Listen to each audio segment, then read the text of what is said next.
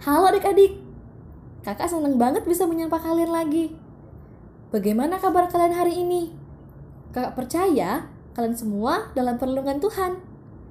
Nah, sekarang kita mau belajar tentang taat. Adik-adik, tahu nggak apa arti taat? Taat adalah dengar-dengaran semua perintah Tuhan dan melakukan perintah itu. Kita bukan cuma taat sama Tuhan Yesus saja ya, tapi harus taat sama papa mama juga. Sekarang, kakak mau ajak kita untuk memuji Tuhan. Kita memuji Tuhan dengan lagu yang berjudul Taat. Kita nyanyi bareng-bareng ya. Kita udah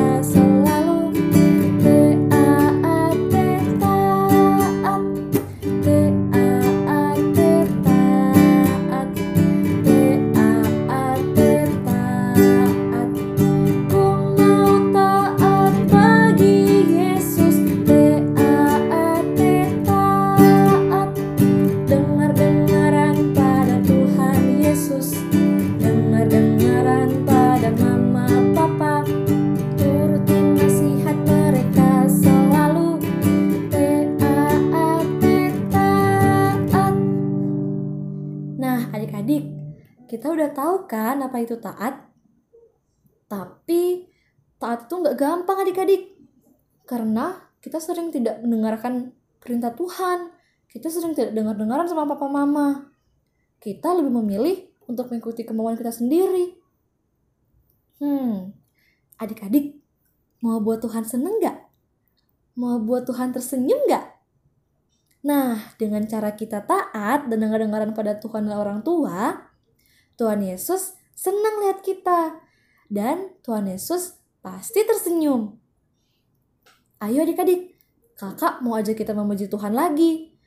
Kita menyanyi dengan lagu yang berjudul Susahnya Aku Taat.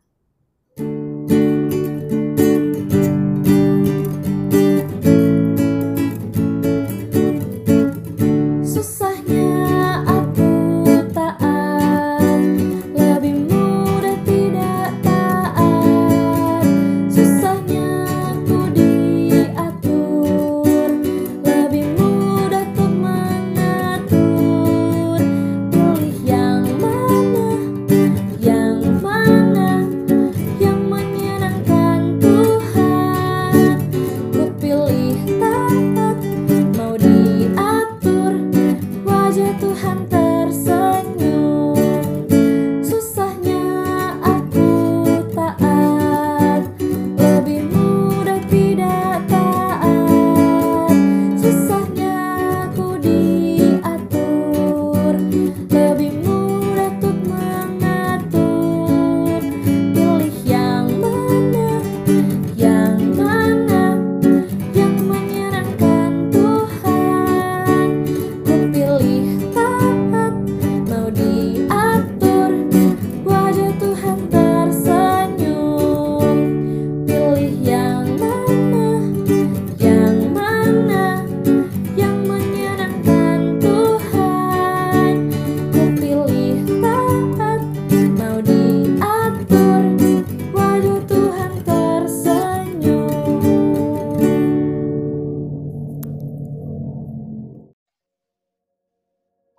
adik-adik.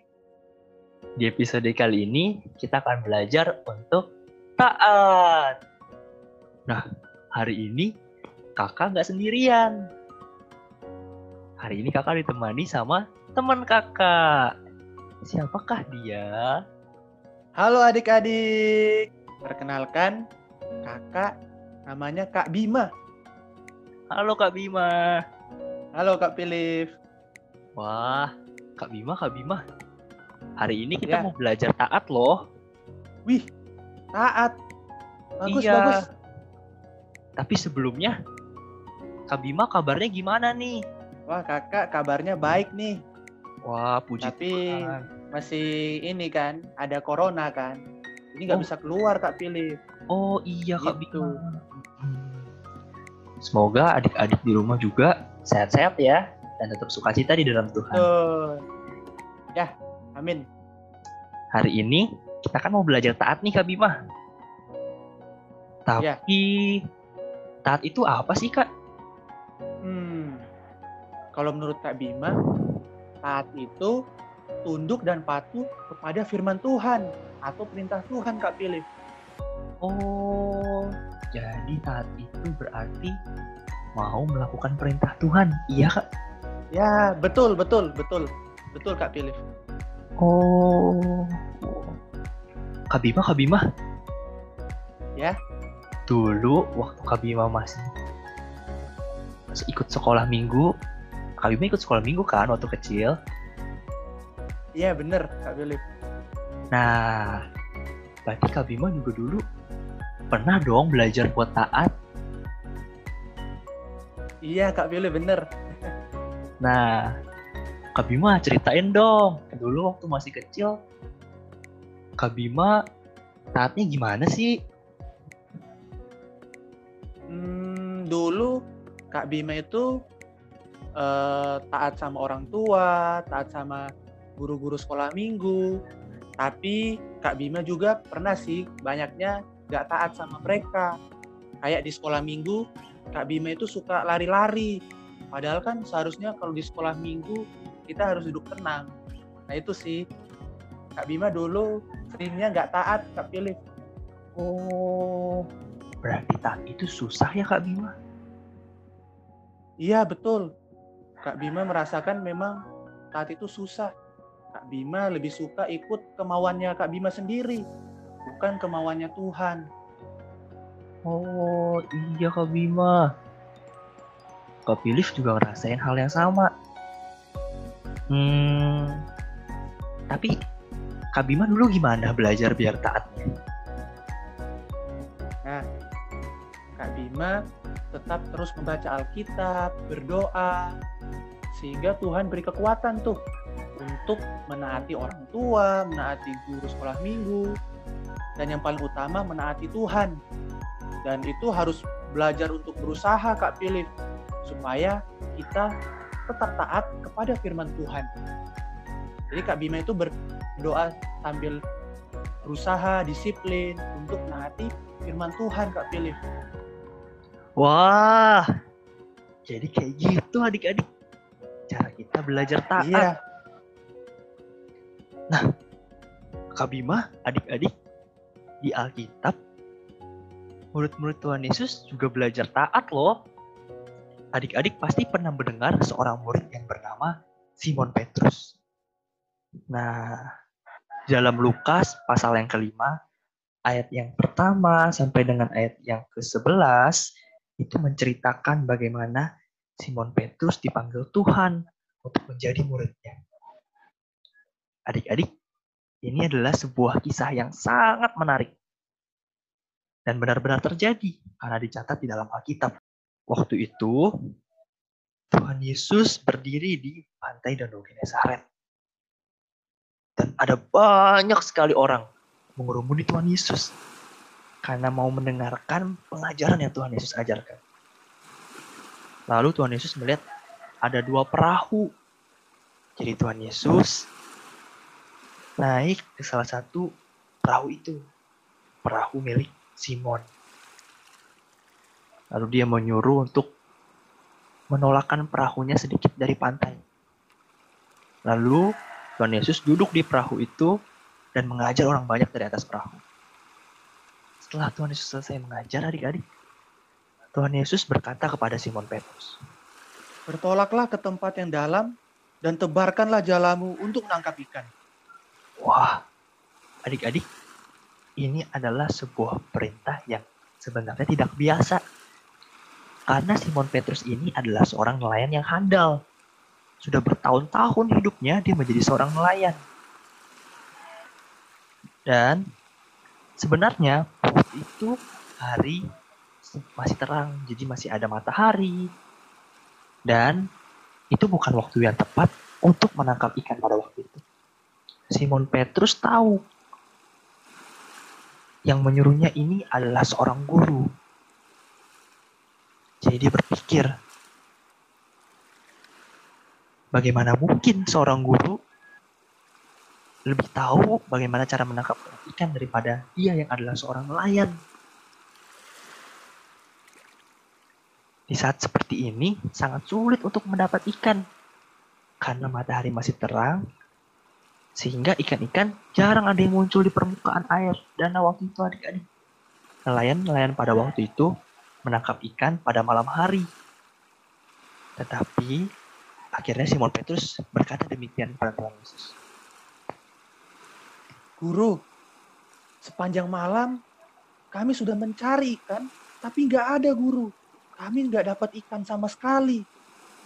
Tapi karena guru yang suruh, aku akan menebarkan jalaku lagi.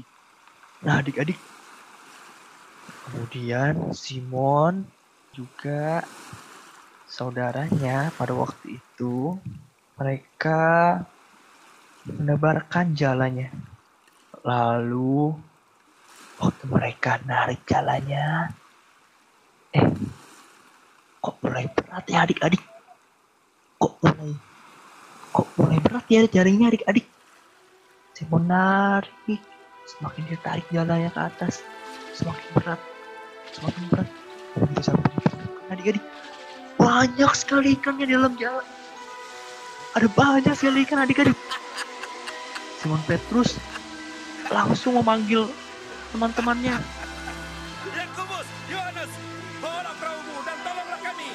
Cepat, ayo, kami menangkap banyak. Lalu teman-temannya datang dan menolong dia. Mereka mengisi kedua perahu itu dengan ikan. Bahkan perahu mereka hampir tenggelam adik-adik. Nah, adik-adik. Pada waktu itu, Simon sebenarnya tahu bahwa harusnya menangkap ikan itu waktu malam hari. Tapi apa yang Simon Petrus bilang pada waktu itu adik-adik? Simon bilang, karena engkau yang menyuruhnya, karena Tuhan Yesus yang suruh, maka aku akan pergi juga untuk menebarkan jala lagi. Nah, itulah taat adik-adik. Simon Petrus mau mendengarkan perintah Tuhan Yesus dan melakukannya. Iya gak sih Kak Bima? Iya betul Kak Pilif. Jadi kalau kita lihat Petrus tadi ya, kita bisa bilang kalau taat itu dengar-dengaran dengan perintah Tuhan. Itu Kak Pilif. Iya Kak Bima. Dan terlebih lagi, setelah mendengarkannya, mau taat dengan melakukannya. Wah, Jadi mendengar dan melakukannya. yuk kita sama-sama mau belajar untuk taat sama Tuhan Yesus. Sungguh-sungguh dengerin apa perintah Tuhan dan melakukannya. Meskipun kelihatannya sulit. Meskipun kelihatannya nggak enak adik-adik. Tuhan kita, Tuhan Yesus juga taat loh. Dia taat melakukan apa yang menjadi kehendak Bapa. Filipi pasal 2 ayat yang ke-8. Dan dalam keadaan sebagai manusia, ia telah merendahkan dirinya dan taat sampai mati, bahkan sampai mati di atas kayu salib. Adik-adik, Tuhan Yesus taat. Tuhan Yesus melakukan apa yang menjadi kehendak Allah Bapa. Bahkan sampai mati di atas kayu salib. Kita juga mau belajar taat adik-adik. Sama seperti Tuhan Yesus taat. Mendengarkan dan melakukan. Dan murid-muridnya juga taat, mendengarkan dan melakukan perintahnya. Yuk kita berdoa. Kak Bima akan pimpin kita dalam doa. Oke adik-adik, sekarang mari kita berdoa.